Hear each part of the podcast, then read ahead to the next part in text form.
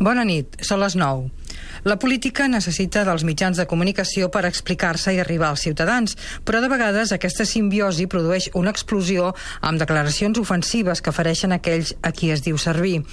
És la tàctica de l'embolica que fa fort i aviam qui la diu més grossa, que només busca guanyar vots i erigir-se en protagonista.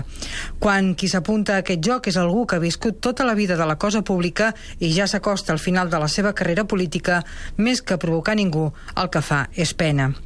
Alfonso Guerra, el que va ser enfant terrible de l'antic règim filipista, acaba de fer unes declaracions que el tornen a col·locar a les primeres pàgines dels diaris quan ja feia temps que se n'havien oblidat. Ha dit Guerra que votar sobre la independència de Catalunya és tan il·legal com fer-ho sobre si els marits poden pagar a les seves dones o si expulsem els gitanos d'Espanya. I així, en un tres i no res, ha ofès els més de dos milions de catalans que van anar a votar el 9-N i de retruc també les víctimes de violència violència masclista i les minories ètniques. Alfonso Guerra va ser l'escuder enginyós de Felipe González, destacat per la llengua esmolada amb què s'enfrontava als seus contrincants.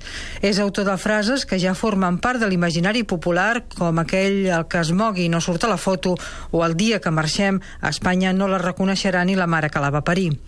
Un bon dia també va dir que, en política, l'única possibilitat de ser honest és sent aficionat. Ell no ho és d'aficionat. És tot un professional de la política des de l'any 77, quan va ser elegit diputat al Congrés. Ja va mostrar les seves idees sobre Catalunya amb una altra de les seves famoses declaracions. Com a president de la Comissió Constitucional del Congrés, Guerra va dir que aquest òrgan li havia passat el ribot a l'Estatut.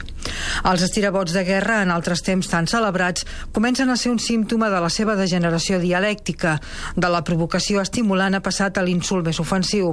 Superada la comparació amb el nazisme, ara Guerra ha traçat una analogia entre el procés sobiranista, la violència masclista i el racisme, com si els tres fenòmens nasquessin de la mateixa arrel maligna, i així converteix les aspiracions d'una part de la ciutadania en un desig pervers i malintencionat. Posant-los al mateix nivell banalitza la violència que pateixen milers de dones pel fet de ser-ho i la discriminació que durant segles ha patit el poble gitano.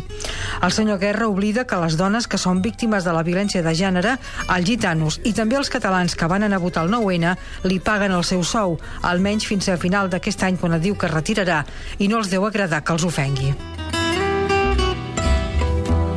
Oy la la la la la la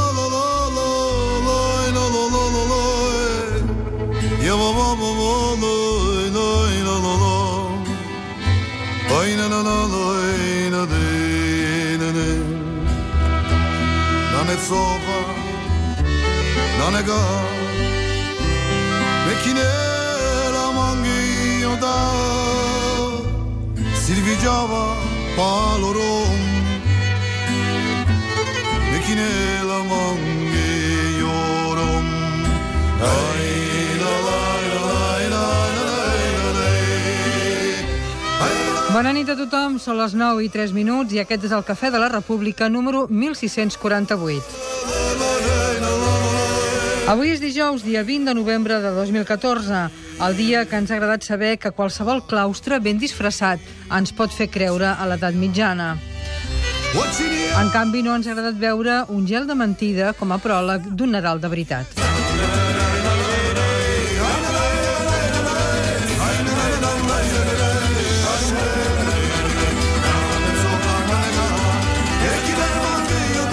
El Cafè de la República, Catalunya Ràdio. amb Elisa Homeda.